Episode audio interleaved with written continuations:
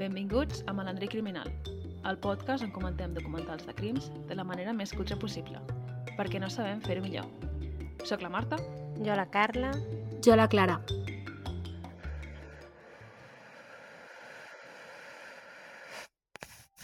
Què està bufant?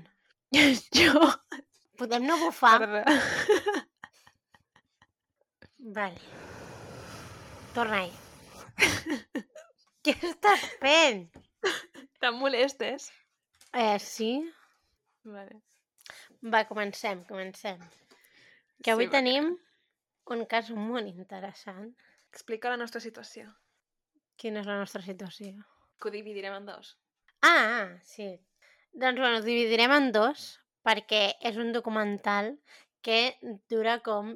Eh, bueno, cada capítol dura una hora i són cinc capítols, més o menys. Lo de l'hora, lo dels capítols sí són cinc. Anyways, no em dóna la vida, llavors són molt llargs i per resumir-ho i que quedi en una merda, doncs fem dos episodis i donem més informació interessant. Sí, perquè a més és un cas potent.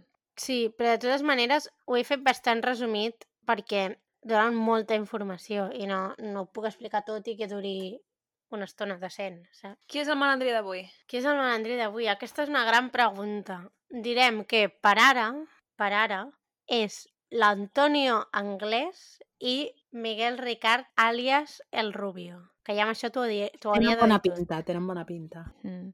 I potser per aquests noms, segurament, si algú ens escolta, ja sap de, què, de quin cas estem parlant, que és el cas d'Alcàsser. bueno, les nenes d'Alcàsser, o com sigui que li vulgueu dir. Com es diu el documental? El documental, com es diu? Eh, bona pregunta. Crec que es diu Alcàsser. No Vaig a buscar-ho. Està al Netflix, per si Mm. algú li interessa. Sí. És un bon, docu és un bon documental, jo crec. Perquè té molta Sí. gent de, de primera mà, saps? Sí, està molt ben fet. Es diu El caso Alcàsser. Bueno, Mm. allò original. Haig de dir que el dia que se suposava que ho havíem de gravar, això, que era la setmana passada, Mm. vaig dir, vale, com que la primera part serà només dels dos primers episodis, veuré només els dos primers episodis. Però llavors van passar coses, bueno, no sé què va passar, i no vam gravar, i no em vaig poder estar, i el dia següent, pel matí, vaig tragar tots els altres episodis. O sigui, que ja saps com acaba, no? O sigui, sí, m'ho sé tot, i ara igual barrejo informació. Jo també l'he vist sencer, ja fa temps per això, que el vaig veure quan va sortir. Així que me'n recordo, però en plan, no específic, saps? Jo no l'havia vist mai perquè sempre m'havia donat com... eh, No vull dir mandra, però és, és un cas molt sonat, és un cas que es parla molt sempre, saps? I el tenia a la meva llista, però mai m'animava a veure'l. I realment l'hauria d'haver vist abans. Doncs sí, anem a començar. Ens hem de situar al 13 de novembre de 1992 a Alcàsser, València. Eh, el que sí que faré, però, és avisar de quan, quan comença el segon episodi perquè crec que els dos episodis expliquen dues, dos processos molt diferents, crec, o dos, Vale. dos etapes molt diferents de la desaparició d'aquestes noies. Llavors, perquè no sigui tan embolic, doncs ho separarem. Llavors, el 13 de novembre de 1992, al Càcer València desapareixen tres noies, que es diuen Míriam, Tonyi i Desiree. Puc fer un apunt? Sí. Que no sé si vosaltres ho haureu pensat això, no? Però al primer episodi fan com una intro, no? Mm. I surten com totes les coses que van passar a Espanya el 1992. Sí. I és com que fort. en, quan ho vaig veure vaig dir, hòstia, mai havia connectat totes aquestes coses. Són, Totes juntes. sí, Alcàsser, uh, Jocs Olímpics, l'Exposició Universal de Sevilla, ETA fa no sé quin atemptat també... No sé, és com totes aquestes coses que saps i que et sonen de que han Sí, passat. però que et sonen com fets aïllats. Sí, i tot és concentrat en el mateix any i no ho sé, em va semblar curiós quan vaig veure en plan, hòstia, mai havia connectat totes aquestes coses. Doncs sí, aquest tros em va agradar molt a mi també. Mm. Doncs és divendres, el 13 de novembre, i es comença a fer tard. En principi diuen que tenen que normalment arriben cap a les 10, però des després diuen que havien, havien anat... Bueno, després s'explica que la seva intenció era anar a la discoteca del Mm. poble del costat. Llavors aquest tros era una mica confús, però se Sí. suposa, com que és divendres, ha- han de sortir, però tot i així es comença a fer tard i les famílies de la Tonyi i de la Míriam, sobretot, es comencen a preocupar i surten a buscar-les. Sí, això em vaig no vaig acabar d'entendre. No, perquè els pares ho saben. Sí, estan, però estan com esperant-les per sopar o alguna així, comenten, i no arriben a les 10, no arriben, però saben que se n'han d'anar a festa. Llavors penso, la discoteca aquesta és una discoteca de tarda? Jo entenc que sí, O- per en aquestes discoteques Sí, no? de menors, Bé, saps? jo que sé, als anys 90, si nenes de 14 anys anaven a discoteques als nit. 90 no sé, però als 80 ma mare anava en plan a les discoteques aquestes de les 5 de la tarda, o sigui que jo Vale, o suposo, sigui- o sigui, jo entenia que anaven a la tarda a prendre alguna cosa, no? I tornaven a la nit perquè eren menors. Vale, o sigui, era, que havien sí. anat a la discoteca de És que tarda... n- no s'explica gaire bé aqu aquesta, això, Això perquè, clar, tu penses que volen anar a les discoteques i tu Clar. penses, clar, doncs sortiran de nit perquè és el que associes amb anar a una discoteca, però, clar, Clar. també és veritat que eren molt petites. Sí, sí, cert. Vale, assumim que és discoteca de tarda. Sí, suposem que és discoteca de tarda i que tenen com d'hora d'arribada, entre cometes, les 10, però no, no arriben. Llavors es comencen a preocupar i les famílies de la Toni i la Míriam eh, surten a buscar-les. I busquen tota la nit i ben bé el dia següent també. Vull dir, busquen durant diversos dies però no les troben. El dissabte, que és el dia següent, també les comença a buscar altra gent del poble, no només en el mateix poble, sinó també a diferents localitats de la comunitat valenciana, perquè ja hem dit que la discoteca que havien d'anar era el poble de, del costat. Llavors les busquen doncs, per diferents llocs. Eh, a ningú li quadra que sigui una desaparició voluntària, doncs pel fet de que són menors i no tenen cap intenció de, de marxar de casa. No tenen ni recursos ni, ni ningú motiu pel qual haurien de marxar de casa. Llavors, ja des d'un primer moment que això no quadra a ningú, i a la policia tampoc. Llavors, eh, en el documental recreen, o sigui, les persones que l'estan fent com ensenyen com tots els carrers pels quals han passat o van passar aquella tarda les tres amigues, o sigui, el recorregut que van fer. Llavors, primer de tot, qui, qui m'està tocant coses? Jo ho sento. Que m'estàs distraient. I ja però em costa seguir el fil dels meus propis pensaments, Marta. Van a Zas, un local que, on tenen jocs recreatius al poble, o sigui, al mateix poble del Càcer. I allà, doncs, és una mica mm, on s'ajunta tota la gent d'aquelles edats. Uh -huh. I, bueno, estan allà una estona, però llavors se'n van les tres a veure la seva amiga Esther, que estava malalta i tenia febre, i llavors eh, aquell dia li havien dit si volia sortir amb elles, però no va marxar perquè no es trobava bé. Uh -huh. I llavors, des de casa de l'amiga, truquen al pare de la Míriam i li diuen si, si les porta a la discoteca de Picassent, que és on estaven, o, bueno, on estava la discoteca Colors. Que. M'encanta el nom d'aquest poble. Ja, a mi també em fa Sembla molta molt gràcia, no sé per pictoresc. què. Picassent. Sí, És que els noms Sí, dels sí. pobles de València són meravellosos, així en general. doncs, doncs També- sí, truquen a... Digues, digues. Perdó, és una tonteria. Però també, uh, durant el documental, sempre diuen el Càcer i sona terrible. Sí, són horrorós. No sé, el el- Càcer. El, cas, el Càcer, bueno, no sé com seria, però el Càcer sona terrible. El Càcer no. No, No sé això com és, que però el Càcer no. doncs, bueno, estan a casa de l'amiga, l'amiga no vol sortir perquè no es troba bé, i llavors truquen al pare de la Míriam per demanar-li si, la, si les porta a la discoteca. Que jo crec que aquest home eh, se'n penedirà tota la vida de no haver-les dut, però bueno. El pare no, no es troba bé, està cansat de treballar i la mare li diu que no, que no les portarà ara.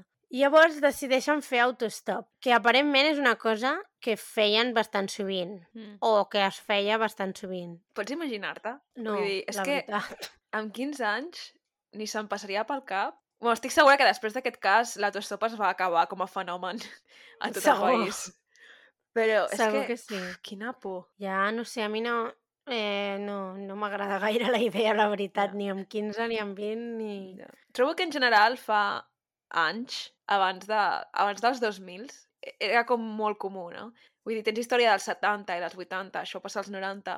Era com una cosa totalment normal, de fer autostop. Ja, jo no, no ho entenc. Suposo que, no sé, no es deuria veure com alguna cosa tan perillosa, no? Simplement puges al cotxe d'algú que no coneixes Però, I perquè això no sona perillós. i ja està. Vull dir... No sé. a veure, igual no si sé. és una cosa de...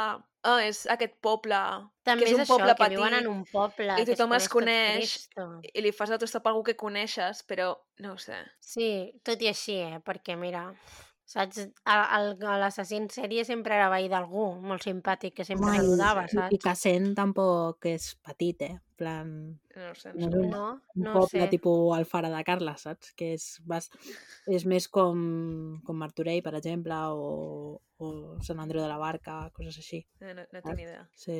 Però això, en plan, fer autostop a un poble de 200 habitants que està al costat d'un poble de 200 habitants on tothom es coneix.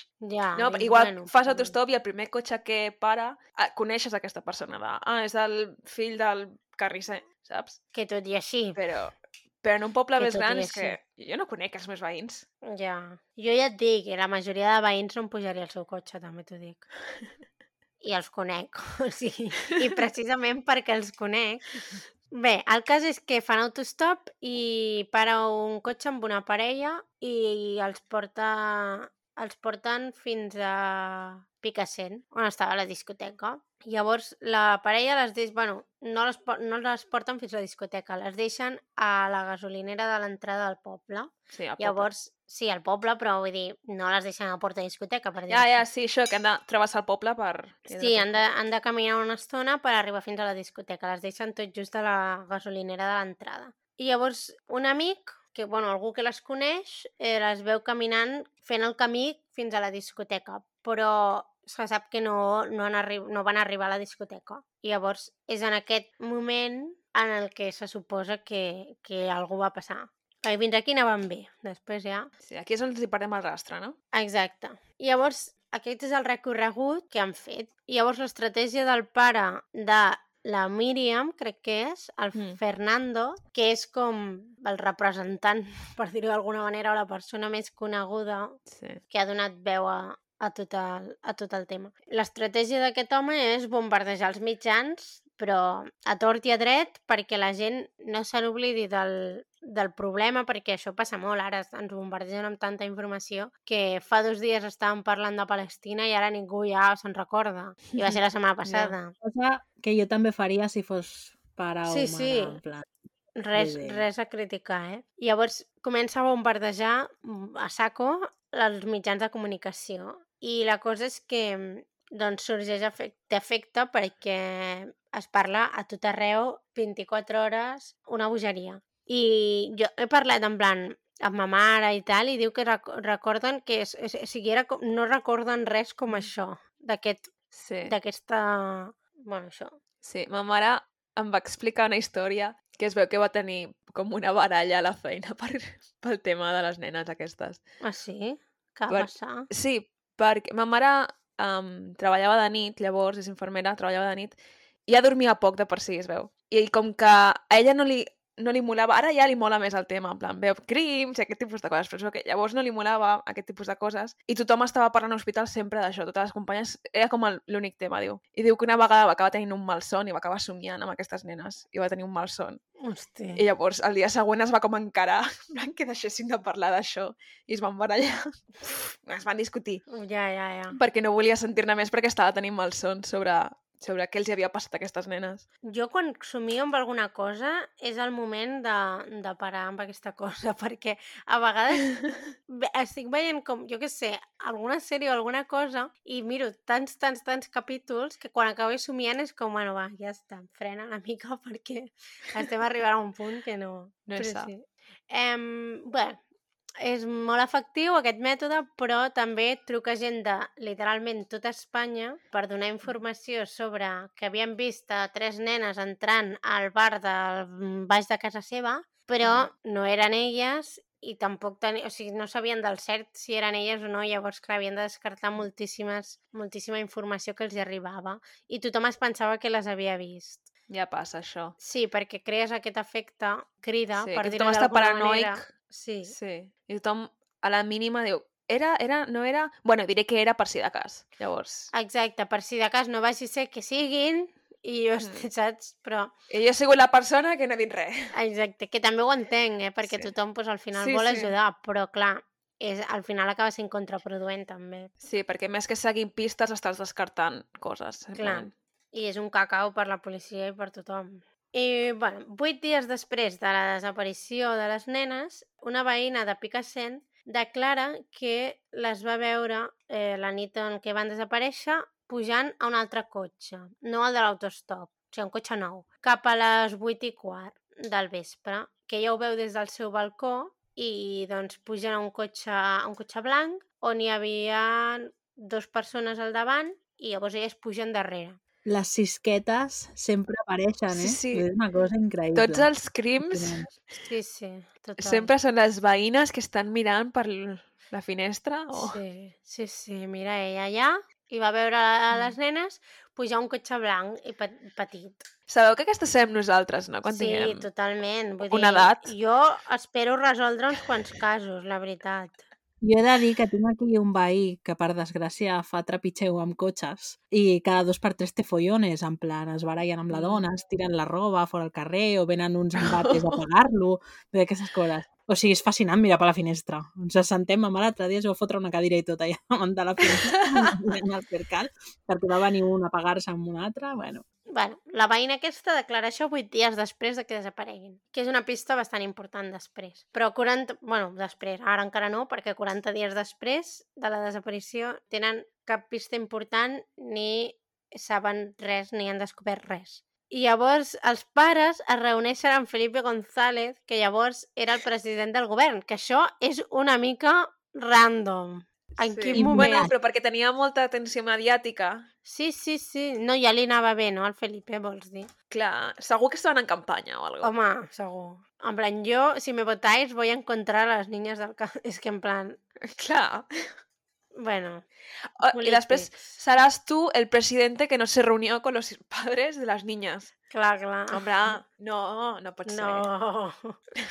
doncs, doncs això, es reuneixen amb ell i ell els dona el seu suport, suposo, però que tampoc, vull dir, no, no va gaire enlloc aquesta reunió. Sí.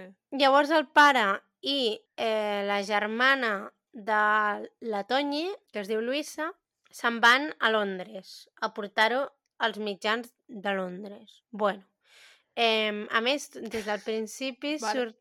No, clar, és que jo què sé.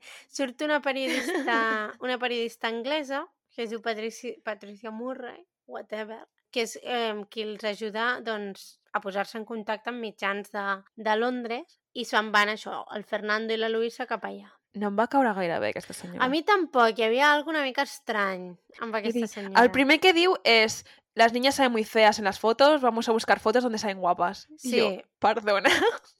Bueno, la- crec que és més perquè, clar, o sigui, les fotos eren com una mica headshots, saps? En plan de... Bueno, Sí, eren fotos de carnet. Fotos de carnet. I clar, ella diu... Però, Anem a- no anem a sé, la bus- manera en com ho ja, diu... la manera com ho diu és estrany, però ella diu Sí que ho entenc, anem a buscar fotos però... Però- apareguin més normals, suposo, o més... sí. Amb una aparença, crec que també una aparença més innocent, crec que ho Sí, sí, busquen. i entenc la finalitat, però la manera en com ho diu és Sí, com... s'expressa the una mica estrany. És com... What? Sí, sí, que està allà living, la senyora, de que hagin desaparegut. Sí. De certa Sí, manera. Relax, senyora. Sí, és una mica estrany. I res, doncs mira, se'n van a Londres a donar més bombo a la notícia per veure si mm, Sí. descobreixen alguna cosa, perquè a un jo que sé, igual, algú... No, no, la gràcia... A mi m'encantava perquè pel simple fet que aquesta periodista és anglesa, els hi diu que igual que les ha segrestat se les han dut a Anglaterra. Sí, clar, no, si hagués sigut d'Alemanya, doncs haguessin anat, jo què sé, saps? Que plan- d'Alemanya. Vull dir, no té gaire sentit el Sí. tema. Llavors en el documental comenten que el Fernando, que és el, el pare de la Míriam, ja ho he dit, li comença a agradar molt l'atenció que està Mm. rebent i els cercles mediàtics i tal, i això es veu moltíssim. O sigui, no vull Li dir, agrada molt. no vull dir que ho estigui passant bé al pobre home, perquè no, però, però que, bueno, No, un- una cosa no té res a veure amb l'altra. no, El l'home segur que ho estava passant malament, però a aquest home li agradava ser el centre d'atenció. sí, No per les, la millor raó del món, però es va trobar en la seva salsa. Va dir, hòstia, sí. I era una, crec que és una Ah. persona doncs, que se li donava molt bé parlar en públic i convèncer la gent, Mm. i estava fet com pels mitjans. sí. I doncs això, li comença a agradar molt i és una mica estrany aquest tema. Llavors, estan a Londres, ells dos reben una trucada mm, que han aparegut uns cadàvers a la zona de la romana Tous, que no sé on és, però, bueno, és la informació que donen. Vale. Eh, això ja et dic, uns més de 40 dies després... Creieu que això de tous té alguna a veure amb la joieria? Eh, Ho vaig la pensar, gent- eh, espero que La no. gent de la, de la companyia Tous és que som d'allà o, o són... Bueno, No Tous és un cognom, no? I un nom de poble. Sí, no, hasta, fins Ah, aquí no hem arribat, plan, però... que el cognom de... La... O sigui, la joieria és perquè el cognom dels joiers és Tous, saps? O sigui, no perquè siguin del poble de Tous. Ai, no ho sé, Igual els seus avantpassats clar. eren de tot. I si és en plan el conde de Tous o alguna cosa així, per això es diuen Tous. El duque de Tous. Who knows, eh? Molt rellevant sé. en la història de les nenes del Càcer, eh? Relacionar a Tous. Bueno, tot és important. Qui sap si aquí hi hauria alguna pista interessant. Home, els Tous tenen una història molt túrbia, Ah, també, sí? que van matar un home. Vull dir, a veure, és que esteu posats en... Ah, que poc posats esteu en el salseo català. El guàrdia... Sé que com a, sé que com a persona catalana se li ha de fer boicot a Tous, no sé per què. El... Bueno, però això per la independència. El... Sí, sí. El guàrdia jurat, és que no me'n recordo molt bé com va anar, el guàrdia jurat dels Tous, que casualment és el marit o exmarit de la filla del Tous, va matar a un home a, a la casa dels Tous i es va liar la de Cristo. Uau, sí, sí, Hòstia, no llavors, clar, sabia això. els del Tous van treure com els abogados, saps? No sé com va acabar el tema, no me'n recordo, però vamos, van donar pel sac que no vees amb aquest tema. Imagina't la línia de joieria que sortiria d'allò, que podria sortir d'allò. Els ossets vermells. La Marta es compraria totes les joies que tinguessin cadàvers. Si Imagina't. estigués mínimament relacionat, A l'osset amb una taca de sang a la zona del cor. estaria guai, en veritat, eh? Eh, Bad jo luck. aprofitat. Amb un, amb, amb un ganivet clavat així, en plan, amb un mini ganivet, saps? O, o a l'osset agafant un ganivet. Estem donant idees gratis. Va, seguim. Troben un dels cadàvers, el que troben és un tros del braç sobresortint de la terra i té un rellotge de Mickey Mouse com el que tenia la Tonyi. I llavors, doncs clar, Mhm. doncs lliguen caps. I a més són tres cadàvers i, bueno. El 27 de gener, que recordem que hem començat, o sigui, van desaparèixer el 13 de novembre, doncs el 27 de gener es confirma que són elles. Són com 70 i pico dies, no? Sí, que de nhi però bueno, clar, si no es troben. Ja, ja. I llavors els mitjans es tornen bojos, no, lo següent. I comencen a fer rodes de premsa, a muntar platós al cas... Bueno, una cosa que jo crec que no s'ha vist mai més. I fins i tot van a casa de les famílies a gravar quan els hi diuen que estan mortes. És horrorós, allò, eh? A més, es veu la mare ja destrossadíssima. Què dius? Vull que acabis, però tinc moltes coses... O sigui, vaig acabar aquest episodi amb un cabreig. Ja, ja quasi acaba aquest episodi, eh? però bueno. Sí, ja, ja. Nos va recordar una mica amb la cobertura mediàtica que s'ha fet de la Madeleine McCann, també, perquè amb altres Mm. sistemes, perquè òbviament eren als anys 90 i tal, però a mi també em va recordar molt el nivell d'intrusisme que va haver-hi en aquella època i que segueix havent-hi, saps? Sí. Amb els cas dels pares de la Madeleine McCann és una mica diferent perquè és com que...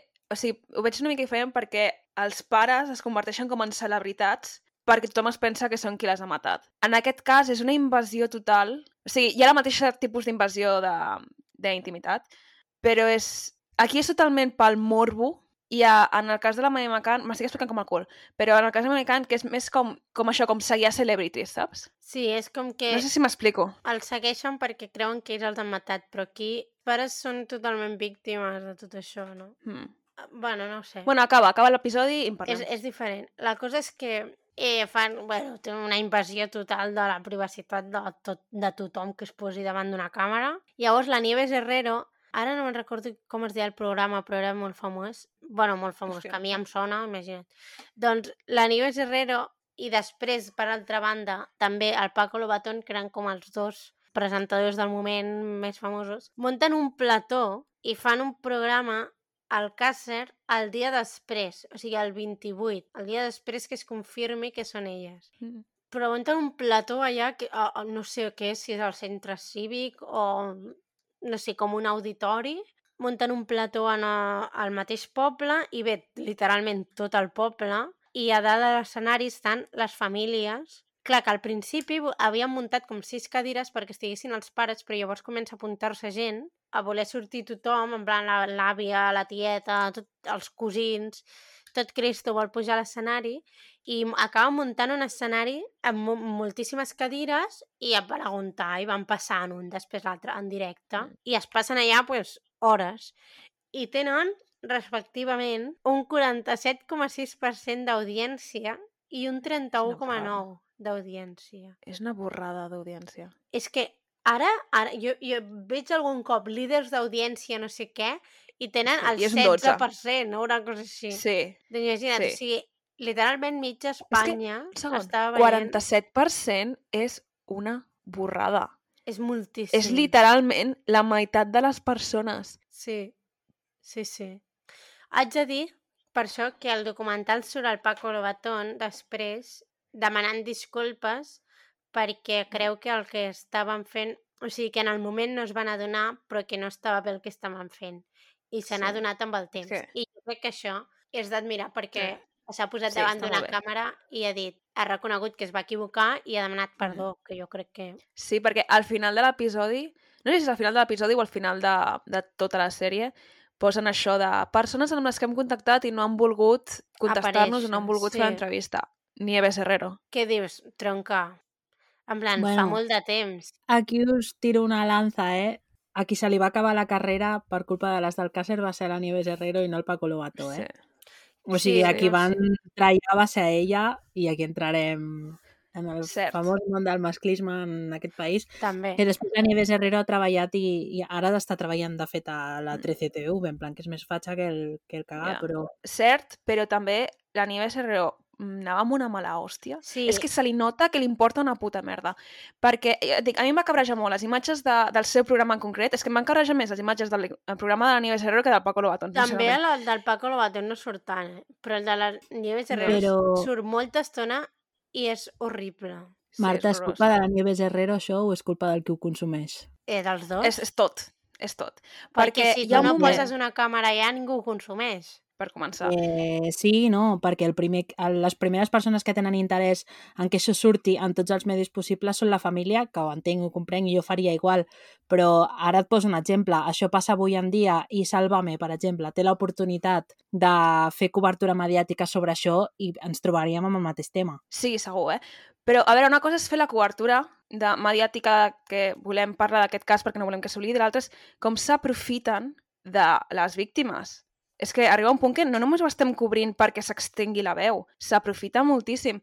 Hi ha un punt en què ensenyen una entrevista que li fan a l'amiga que estava malalta i no va sortir de festa. Sí, l'amiga I la surt Nieves Herrero molta és estona. molt agressiva amb una nena de 14 anys. Literalment li diu, ¿tú crees que si hubiera sido tú también estarías muerta? Una cosa així. Tu creus que li has de dir tu una cosa així a una estaries nena de aquí. 14 anys? Traumatitzada. És molt agressiu. Una nena de 14 anys traumatitzada. No sé, jo ho contextualitzo i...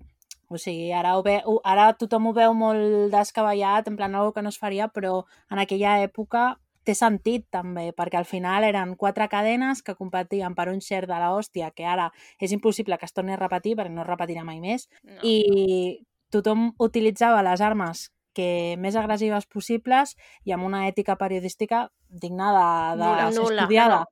I horrorós. no és culpa ni de la Nieves Herrero No, si ni és del que no la- no la culpa- sinó Espera, que no és, no és només ella en concret, ella forma part del problema. Clar, La i ella és culpa- la cara I el Paco visible. Lobatón també, eh? la culpa va ser de tota la societat. Ells dos són la cara visible d'aquesta in mm, invasió periodística. No passa res, se dice. Sí. No, que no era només un tema de... Bueno, és que es fan shares de la hòstia i es fan programes de la hòstia. Era eh, que els pares anaven a tot arreu del país, bueno, que surt més tard això, demanant firmes i la gent anava a saco per veure'ls, o sigui, també van agafar aquest estatus de Sí, celebrity. és tot un, tot un fenomen. es va des deshumanitzar perquè eh, jo crec que la gent no era conscient de que al final s'estava parlant de tres nenes de 15 anys, no? Que Mm. els focus van menjar-se i, i també la, Sí. per, la percepció que tenien les persones de lo que era la tele i el que és ara. O sigui, tu ara, per exemple, pots ser crític amb la tele, veus una cosa i saps discernir una mica de lo que és real, de lo que no i tal. En aquell moment, al final la tele era un dels únics medis que tenies d'entreteniment. Per tant, aquest programa en el primer... O sigui, al final el que busquen és això, no? Entretenir-se, sentar-te un dissabte a la Mm. tarda i mirar això. Vull dir que, que sí que és veritat que, que és molt bèstia i que això també ha posat precedents i que s'estudia a les facultats mm, el cas aquest de les nenes del Càsar, però alhora tampoc és que crec que eh, va ser la primera vegada que es trobaven en un cas d'aquest sentit. Per això hi ha aquests, en plan, aquesta falta d'ètica i que després, que no ens enganyem, que si el dia de demà torna a haver-hi un cas on poden fotre baza, vamos, més d'una tele de dos i de tres, allà estan i estem tots mirant-ho també, saps? Vull dir que, Bueno, crec que ara potser la gent seria més crítica. no sé, De, de la mateixa manera que... Jo entenc el que vols dir, hi ha tot un context, però també ho estic mirant 20 anys més tard. I com una persona que ho està mirant 20 anys més tard, és deplorable i ho criticaré igual. I jo crec que si això passés ara, no et dic que no hi hagués un circ mediàtic igual, segur que hi, ha, hi hauria un, però crec que si arribessin a aquest extrem les coses, de com s'estaven fent les coses amb la Nieves Herrero i amb el Paco Lobatón, crec que gran part de l'audiència seria més crítica. No tothom, jo però discrepo. gran part de l'audiència seria més crítica. Jo discrepo i et poso d'exemple el cas de l'Assumpta, per exemple, o el cas de la Diana Kerr. És que al final és el, és, és el mateix, exactament el mateix. O sigui, el de la Diana Kerr ja s'ha solucionat, la persona ha anat a la presó, etc, etc, i fa sis mesos estaven els pares a la tele, altra vegada, entrevistant els, els veïns, etc etc perquè s'havien fotut d'hòstia entre els dos. O sigui, al final és, és un tema de que busquem eh, casos i ho agafem com a, com a medi d'entreteniment. Tu, Marta, perquè no segueixes molt el farandeo ahí espanyol, però ara mateix No. amb el cas de la Rocío Carrasco i, de, i tot el que s'està muntant, és que és exactament el mateix tema. Òbviament no hi ha una persona morta, una noia morta, però bueno, hi ha un cas de violència masclista molt heavy i que es mediatitza des de fa 80, des dels anys 80 als anys 90. És exactament el mateix. Crec que no hem après. O sigui, no, no, no s'ha après d'això. Bé, la cosa Però no és és tan que... extens, és un... Perdó, però no és tan extens, és un, uh, un grup reduït de la població que realment... Jo crec que no. O sigui, crec que el grup reduït ets tu que no ho ah, veus, vale. saps? Però és això.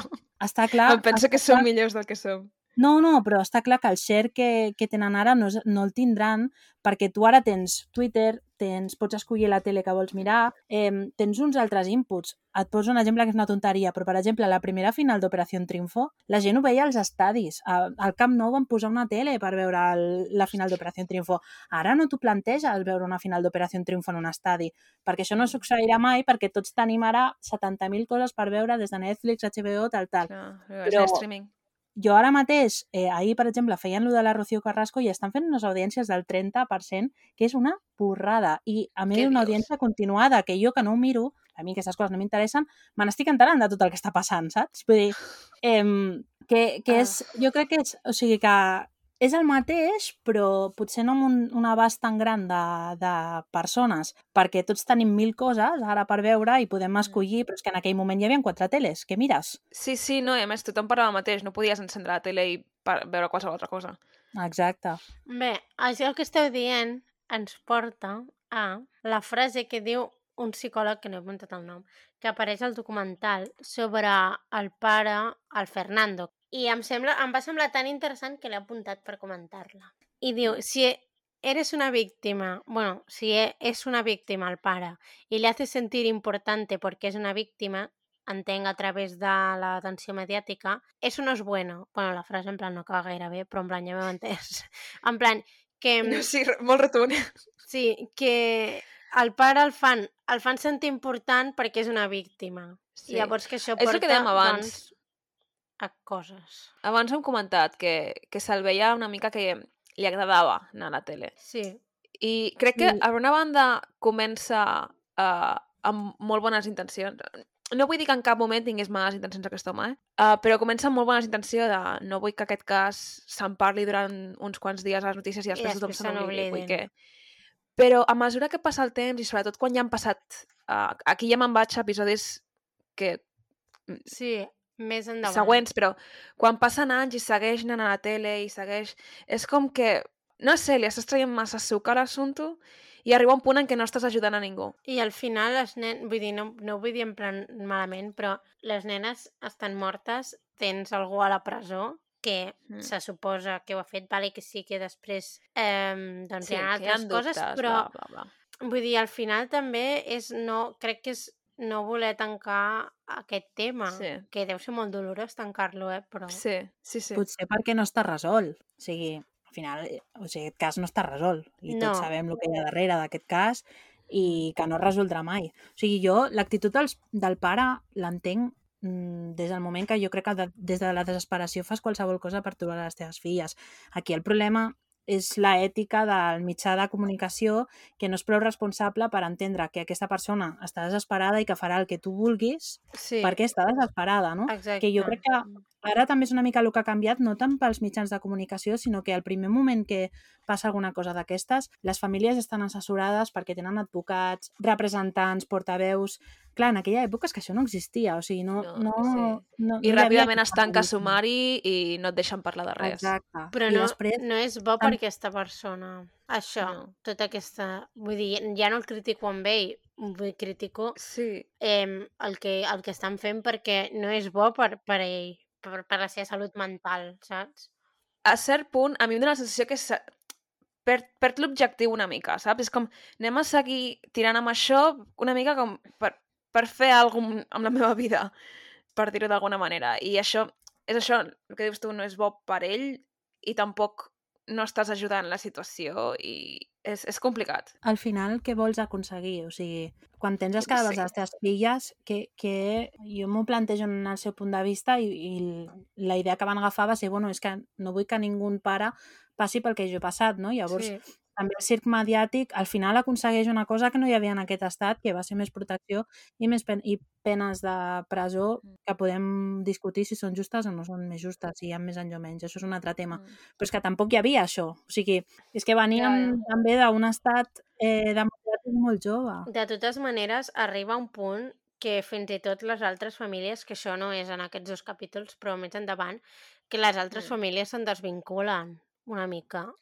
Sí, té marró amb una de les mares perquè la mare està en plan, ja prou de fer servir la meva nena com a excusa per anar a la tele. Què vull dir? No, que l'entenc, o sigui, entenc el, el seu objectiu, eh, però arriba un moment que fins i tot els altres pares eh, es desvinculen de- d'aquesta persona perquè creuen que està arribant a un punt que, doncs això... Mm. No sé, ja ho parlarem l'últim episodi, que és on hi ha més teca, Sí, sí, però són unes famílies que mai tindran respostes, o sigui, Sí, no, cert, cert. assumits òbviament, que òbviament. no tindrem mai respostes perquè qui les té no les vol dir. I, Mhm. i ja està. Bé, anem a passar al segon episodi perquè Espera ja un portem molta estona aquí. Ah, que hi ha més. falta l'últim punt.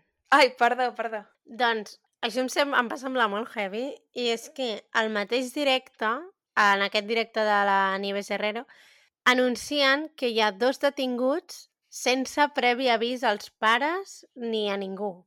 O sigui, en directe anuncien que hi ha dos detinguts. És que és molt fort. eh? És que, En quin moment? No, no, En no qui- tornem a entrar-hi. En no quin moment? Bueno, doncs aquí acaba el primer episodi. Una cosa, perdoneu, és que jo torno al mateix. Literalment, amb el procés de la independència van fer el mateix, o sigui, eh, es van enterar per la premsa que estaven detinguts i les penes de presó que tenien. O sigui, és que és el mateix patró No sé, Amb és una puta merda.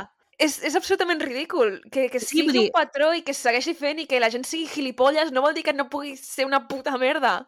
Sí, però que, però que de qui és culpa això? O sigui, és culpa del mitjà de comunicació que té la... O sigui, jo sóc periodista i em trobo amb aquesta informació, jo la publico. O sigui, i, i, i la publico, però és que Però la publiques en un directe sense avisar ningú. també, per mi això sí que, sí que és ètica periodística, perquè jo tinc una informació i la publico. És un... O sigui, aquí el problema és del funcionari de turno, del policia de turno, que li ha interessat que tu publiques aquesta publicació, no? És que no entenc, o sigui, per mi matar el mensajero, bueno, al final vull dir, tens una informació i estàs en la teva obligació perquè et deus un diari i et deus un mitjà, podem discutir, però toca, saps? La culpa és del funcionari de turno que no pot tenir la boca tancada o que els També, interessa que és que aquestes coses tots, surtin. tots, és que tots tenen És que culpa, clar, sí. en plan, no hi ha ni uno bueno.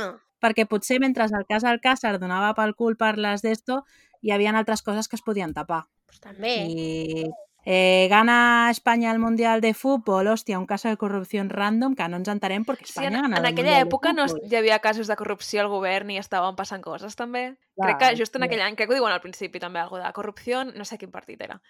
O, o co- mm, corrupció en la Moncloa o alguna cosa així. També hi havia una crisi econòmica en aquell moment. Clar, és que s'ha de posar tot en context. Que sí, perquè però que no deixa de ser èticament, moralment, Que és horrible. sigui, és mm, horrible. horrible. Let's move on. Sí, seguim amb el segon episodi. El segon episodi comença amb la retransmissió en directe de l'enterrament. Un altre directe.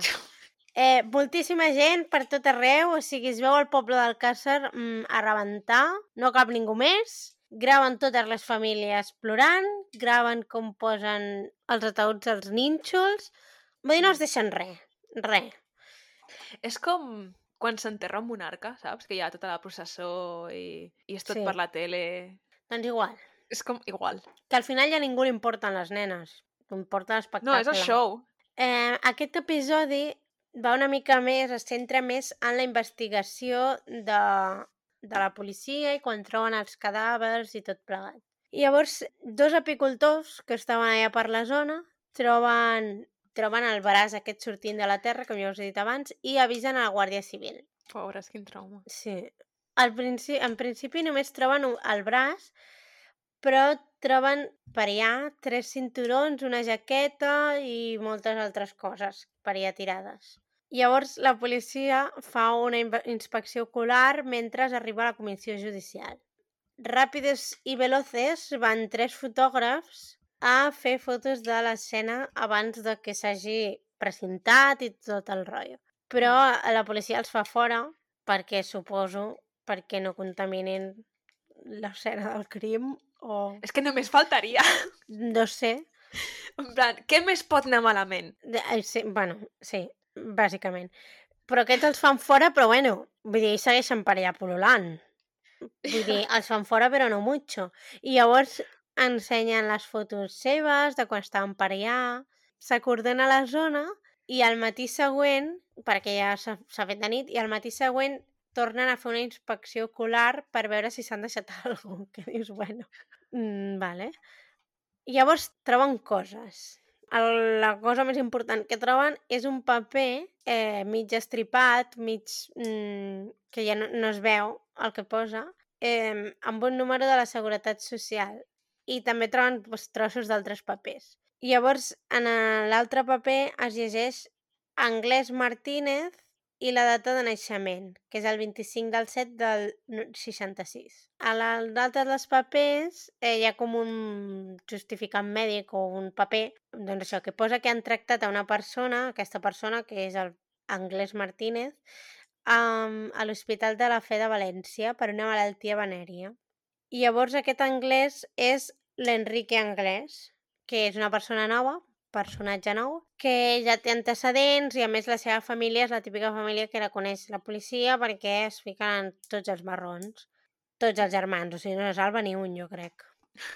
Llavors la policia eh, va al pis així com, bueno, sense avisar, òbviament, però intenten travar la porta des de dins, que no ho aconsegueixen.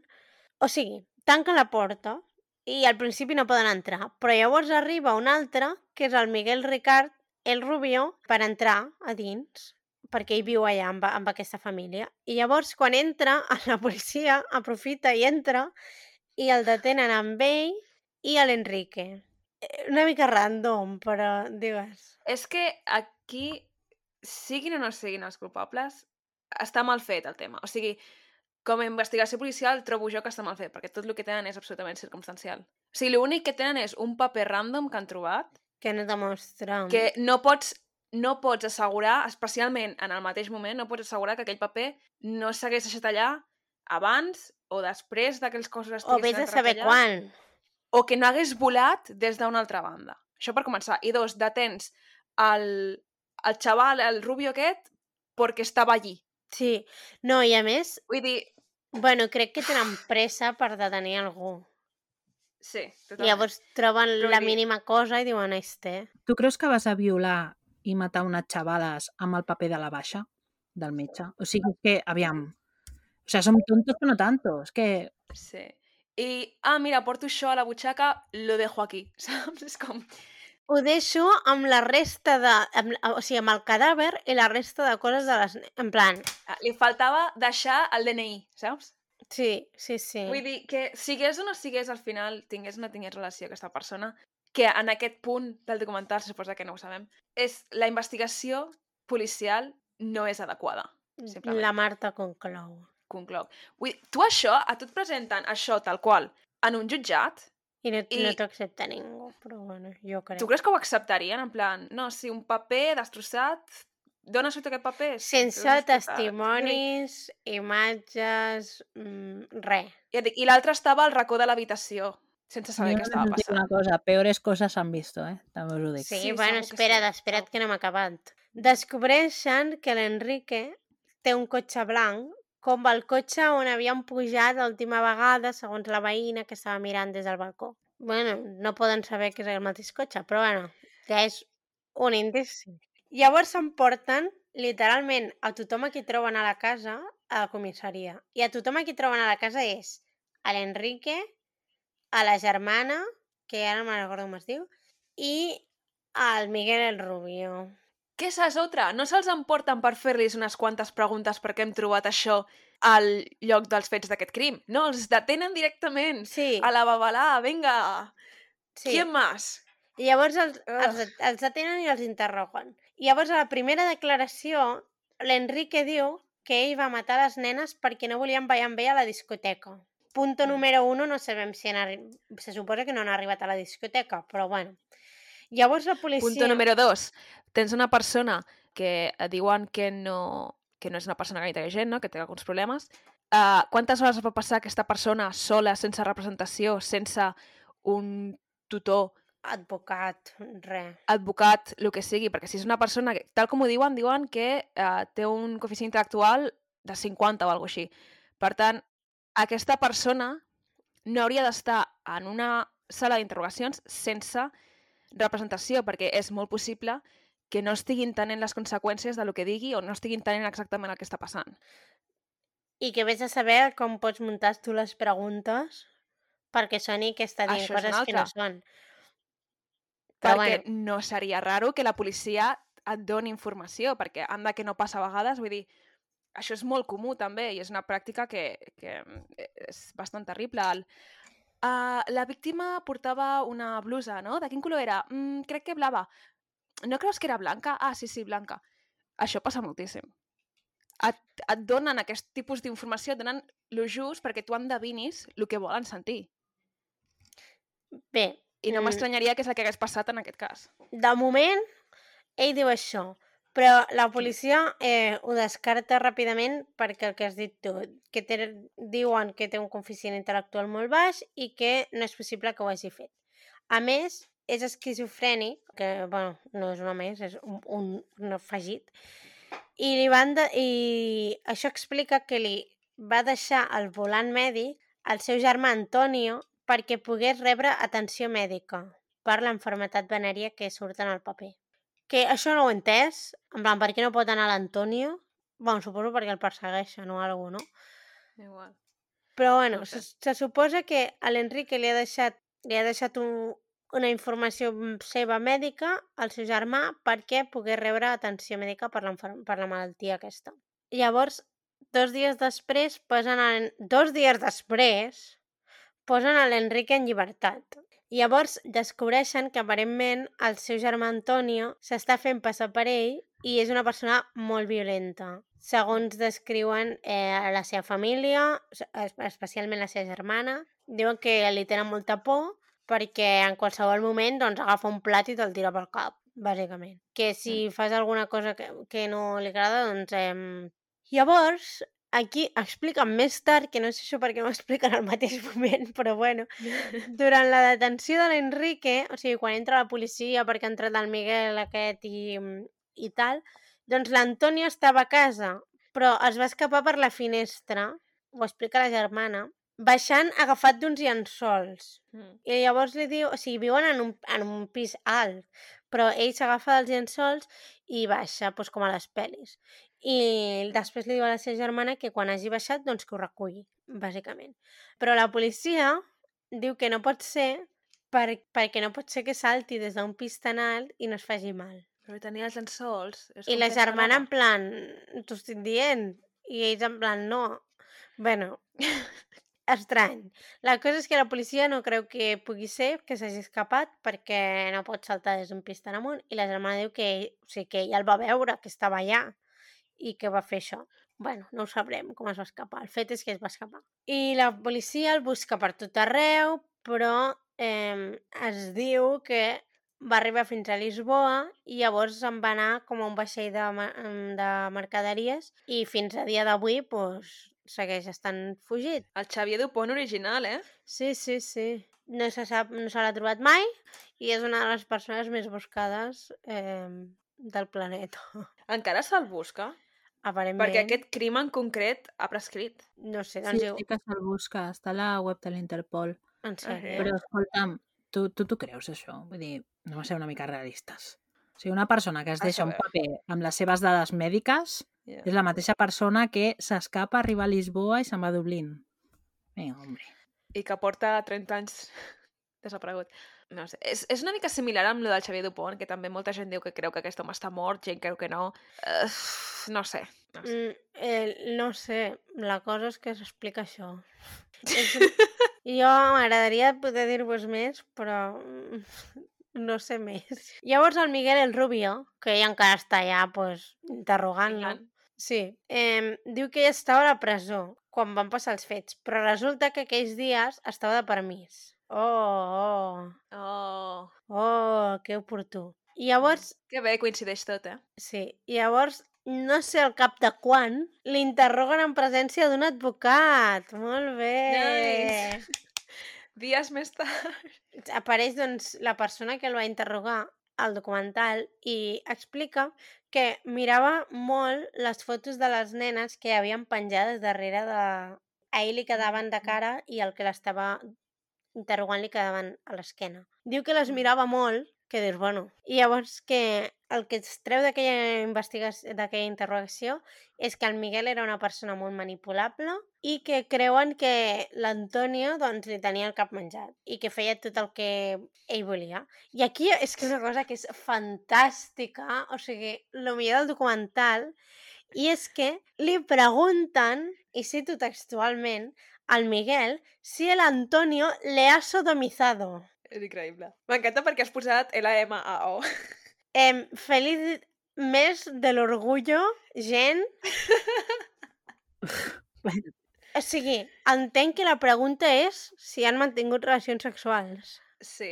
Bueno, um, pel que jo tinc entès, quan algú et sodomitza, és, són relacions no estàndard i normalment que no... Pensa en la policia dels anys 90, vale?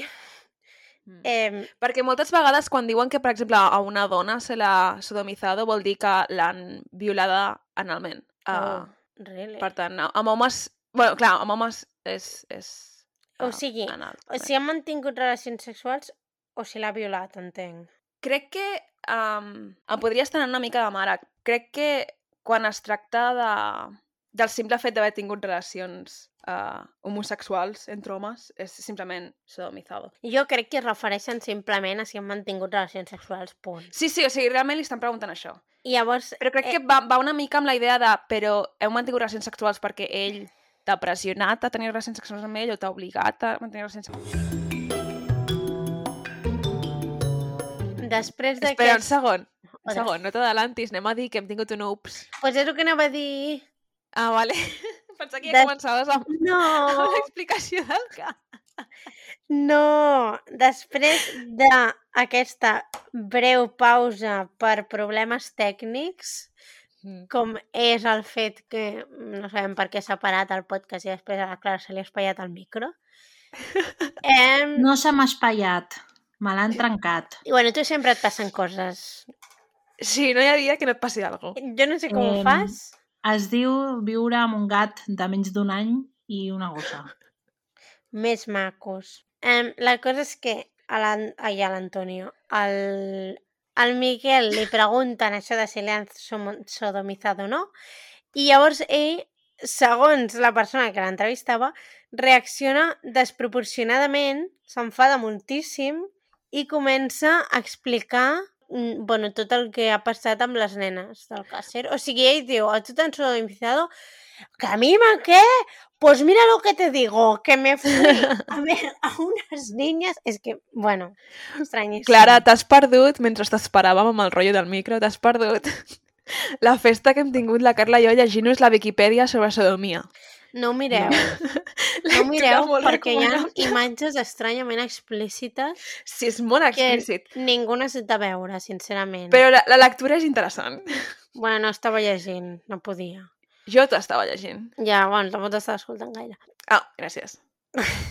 bueno, deixem aquest tema del Miguel de moment, que es, es queda aquí. Ell confessa, se suposa, entre cometes. Però bueno. Llavors, em, per altra banda, hi ha el tema de l'autòpsia dels cossos. I llavors la, el primer que fa l'autòpsia es diu Alejandro Font de Mora i no diu res en un principi perquè, oh vaja, hi ha secret de sumari, ara. No, no es diu res, no se sap res, ningú sap res. I un guàrdia civil li diu al Fernando que demani una segona autòpsia perquè hay gato encerrado. O sigui, algú li Ahà. diu, un, un policia li diu això al Fernando, al pare de la, de la Míriam. Llavors el Fernando, que suposo que va dir, espera, llavors li va demanar Ah, no, ja sabem qui li diu. Això li diu al Pedro Miranda, que és el màxim responsable de la investigació fins al moment. I li diu això. Llavors, ell contracta una altra persona que es diu Luis Frantela, que és famosete per aquest cas, i és el segon forense eh, que fa l'autòpsia. I llavors ell explica que des del primer moment, quan va fer les autòpsies, eh, el desprecien, li posen tota mena de traves i mm, es troba to- els cossos amb totes les ferides, les mostres, els traumatismes, tot el que pot donar informació, estava tot net. Mm. O sigui, no es podia treure res d'allà perquè algú ho havia netejat. No havien rentat les mantes també o alguna així? Pot ser, no ho sé, ara no recordo exactament, però No pot sé. ser. La cosa és que eh, això, eh, s'ho troba tot net i no pot investigar res. El que sí que conclou, i està d'acord amb els altres forens, amb el primer forense, és que la causa de la mort són uns trets a la nuca, el clatell, no? No ho hem inventat. El clatell, basically. El 30 de gener li agafen la primera declaració judicial al Miguel Ricard, Mm. que són tres dies després de trobar el cos. Ara que ho penso. Uau, I llavors, en que aquesta ràpid. declaració, eh, em penso que hi ha moltes declaracions del Miguel Ricard, o sigui, no cabem aquí. En aquesta de- declaració, ell diu que és un mandau, que l'Antoni Anglès el manipula i li té molta por i, per tant, fa tot el que li diu.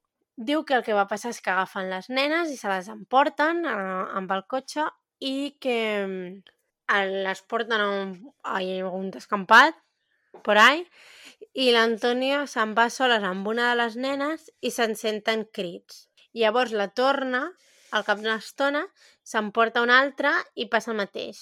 I llavors ell confessa haver violat a la tercera y que ella consciente porque está atemorizada. Que dius, bueno, veam, veam, conceptos. Uau, això no és consentiment, but ok. No. Però bueno, Eh. això és el que diu ell amb el seu Mm. context i les seves coses. I llavors, eh, fi- finalment, l'Antoni s'emporta aquesta, eh, a la tercera nena, se'ls emporta les tres, i ell sent tres trets. Que se suposa que és quan es van matar. Aquesta és la primera declaració. Ara, tornem-hi. El 2 de març, o sigui, dos mesos més tard, eh, torna a declarar el Miguel Ricard. I aquesta és la declaració que, en principi, eh, es pren per certa i també és la més extensa i la més amb més detalls. I en aquesta declaració, que l'he escrit una mica, perquè si no no me'n recordo de res, diu que la recullen, eh, com la d'abans, que les nenes se n'adonen que no van a on han d'anar, que és a la discoteca, i es comencen a queixar i llavors ell, el Miguel, proposa que les deixin, que les tornin. L'Antonio eh, li fot dos hòsties, aparentment. Llavors també, no sé com, eh, suposo que no hauria anar conduint, perquè llavors és una mica difícil, però llavors eh, pega també a les nenes perquè callin. Mm. Llavors paren el cotxe en una esplanada i les porten a la caseta de Yombay, que apareix que és com un edifici, bueno, una caseta que està mig destrossada. Pugen al pis de dalt i l'Antonio lliga a dues nenes i a l'altra la viola en un matalàs que ja allà tirat. Llavors eh, despulla a una altra de les nenes, que en ningú moment es diu quina, i li diu al Miguel que ara li toca amb ell, però ell diu que no li ve de gust en aquell moment. Li diu que si no ho fa el mata i li torna a fotre d'hòsties. Bueno, llavors deixen a les tres nenes lligades i van a un bar a comprar menjar i aigua. Llavors, quan tornen, sopen. Llavors, l'Antònia viola la que quedava llavors suposo que la deu tornar a lligar i els dos se'n van al matalàs a dormir. Al matí següent, l'Antònia marxa unes hores i quan torna decideix que les han de matar perquè no diguin res. Llavors se'n van tots amb el cotxe, no, se'n van tots cap al cotxe i llavors a prop del cotxe les mata i les enterren. Aquesta és la declaració eh, que es pren com certa. Gran història. Sí.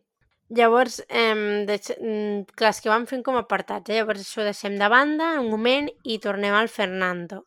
El Fernando, en aquell, clar, quan ja, vull dir, ja les ha, les ha enterrat, eh, aquests senyors, bueno, aquests dos eh, o estan a la presó o estan en proceso, bueno, estan a la presó però estan en procés de judici, suposo, no ho sé. Llavors el Fernando eh, vol canviar les lleis perquè els violadors i els assassins compleixin la seva condemna íntegrament, mm. perquè, bueno, aquí només poden complir fins a 20 anys, que 30 en casos excepcionals, crec. Moltes vegades per bona conducta també surten abans, etc etc. Llavors eh, comença a demanar firmes perquè es reuneix amb la gent i pregunta, clar, li diuen, clar, això està per llei, és així, diu, bueno, què hem de fer per canviar la llei? Llavors es reuneix amb gent i li, i li diuen que necessita dos milions de firmes per fer un referèndum. Llavors comença a demanar firmes, eh, se'n va per tot arreu, o sigui, per tota Espanya, a demanar firmes, es posa allà a les paradetes al matí i no se'n va fins al vespre. I llavors eh, recull gairebé 3 milions de firmes. Fins aquí aquesta història, de moment. Sí, mons pares van signar Molins de Rei. Mm que sí, van venir amb dins de rei a, no sé, la Fira Candelera o... Els hi va firmar, en plan, estaven els pares allà o era sí, altra el, gent? el pare, el pare de... O sigui, anaven ells personalment a cada poble. Sí, sí, no, sí, sí, anaven, no? Bueno. Ells i més gent de la família, em sembla, no sé. Crec que ell és el que, el que anava sempre, llavors hi havia altra gent que anava a vegades... Bueno, això em, em va donar aquesta sensació pel sí, documental. Vale. Fins aquí bé. De moment ell està allà al seu rotllo de les firmes. Llavors el Miquel, el Miguel Ricard, que està a la presó, comença a enviar cartes a la mare d'Antonio i la comença a amenaçar i a demanar diners. Com que no li fan cas, el Miguel inculpa al Mauricio i a l'Enrique. El Mauricio és el germà petit de l'Enrique i l'Antonio, que deu tenir com 14 anys o 13 o 14 anys. Té una pinta de ser un crio. Sí, Però- sí. Però un crio xongo. Sí, exacte. En plan, que va de xulo i, bueno, és un, és un, és un nen. La cosa és que l'inculpa amb ell i diu que ell també estava i a l'Enrique també. I diu que vol tornar a declarar perquè en les seves altres declaracions eh, no ha dit la veritat i vol tornar a declarar.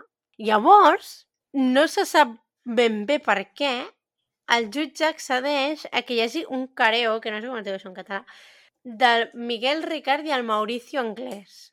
Sí, és que- un concepte una mica estrany. No? Sí, bueno, que el junten, però a més, sí, el junten i aviam què diuen l'un de l'altre, no sé. És com que estan... En comptes d'haver un intermediari, no? Un advocat no, fent els preguntes a un i que a l'altre, no, és entre ells. És, és... A més, en tot moment creuen que el Mauricio és, és molt intel·ligent, que ja en plan es veu i a més sap parlar molt bé i, i tal per l'edat que té. Llavors, clar, és que en ningú moment el pot beneficiar això al Miguel Ricard perquè, o sigui, el pot manipular molt fàcilment, el Mauricio. Llàstima que no hi hagi vídeo d'això, que no l'hagin ficat. Veus? La cosa que Vídeo hauria d'estar careo. televisada i no la televi... És que mira... És que... Bé, la cosa és que eh, després del, car del careo el Miguel Ricard canvia d'advocat i l'advocat diu que el Miguel en, mm, declara o deixa entreveure que el Miquel declara sota pressió policial en tot moment, o sigui, les declaracions anteriors. I, i clar, diu que li, que li pregunta, però clar, tu quan declares tens el teu advocat davant i diu sí, però abans i després no. Llavors dona a entendre que, que hi ha hagut pressió policial d'algun tipus perquè el Miguel declari doncs, el que vol la policia. Eh, ho he aguantat abans. I llavors el, el Fernando apareix i, i diu que no creu que sigui el Miguel Ricard, creu que és una persona que, un cap de turc, que l'han posat allà i que no, que no té res a veure. Llavors, al final d'aquest episodi, de manera molt random, apareix, o sigui, no se veu, no se li veu la cara, apareix d'esquenes, la filla del Miguel Ricard Mm. que no és, o sigui, no se sap en cap moment que tenia una filla fins en aquell, fins dos minuts abans que diuen que amenacen la seva família, no sé què, la seva filla, i apareix la filla dient yo me llamo no sé què Ricard y soy la hija de Miguel Ricard. I així acaba Diu el seu nom? episodi. Crec que sí. Llavors, de què et serveix estar d'esquenes? Eh, De res, ho busques a la Google i ja està. Saps? Vull dir, si, si dius el nom, normalment quan ensenyen la persona, no, no diuen el nom tampoc. Doncs sí, sí, sí el diu, perquè reco... no, ara no me'n recordo si és Núria o una cosa així, ara no, no, no me'n recordo. Un nom molt No, normal. I aquí acaba l'episodi, ens deixa aquí amb un cliffhanger important. Comentaris? Bona nit. Ok. No, no. És que falten altres, les altres parts per fer allò, l'anàlisi. No? Clar. Però és que ja portem una hora i mitja de cap Sí, sí. episodi. No, sí, sí. Oh, Espero fuck. reduir una mica, però... No, una hora i mitja, mira, ni tan mal. El que pen... L'últim que hem penjat ha sigut una hora i deu minuts. sí, cada vegada són més llargs. És que és interessant. O sigui que bueno, sí. redueix alguna part, si vols. Eh? Mira, acabarem amb això. Si algú ha aguantat fins al final d'aquest episodi, et mereixes donar-te un capritxo. Sí. Agafa un gelat o alguna Que no paguem nosaltres perquè no hi ha dineros. Però... No, però igual, no sé, escriu-nos. Si has arribat fins aquí, ens agradaria saber-ho. Sí, ens agradaria tenir una mica de, de crear, crear conversa amb els Sí, nostres perquè limitats oients. eh, està bé, però estem una mica soles, eh?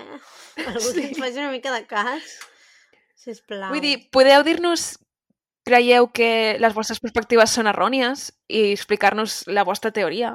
Vull dir, Pues, és benvingut. sí. Anava a comentar que el Paco Fiestas ens ha explicat què li va semblar el seu capítol. Ens va comentar que, que ho havia escoltat. Bueno, em sembla prou interessant per comentar en el podcast. Joder, tenim aquí unes expectatives. Si vols, li demanem un comentari de text al Paco Fiestas. Sí, saps això de... Com es diu? Quan posen el comentari d'una persona famosa a la portada d'un llibre o alguna així, en plan, increïble. Doncs pues mira, el Paco Fiestas ens ha contestat. Per tant, contesteu-vos Sí. vosaltres també.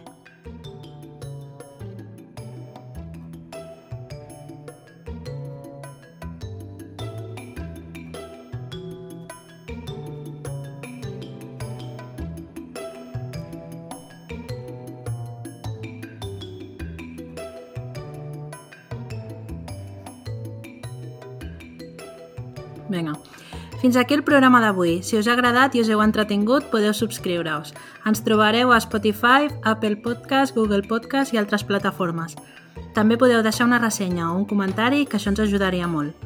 Si voleu comentar-nos què us ha semblat directament, ens trobareu a Twitter. Simplement busqueu Malandri Criminal Podcast i us hauria de sortir. Gràcies per escoltar-nos. Adeu. Adeu. Adeu.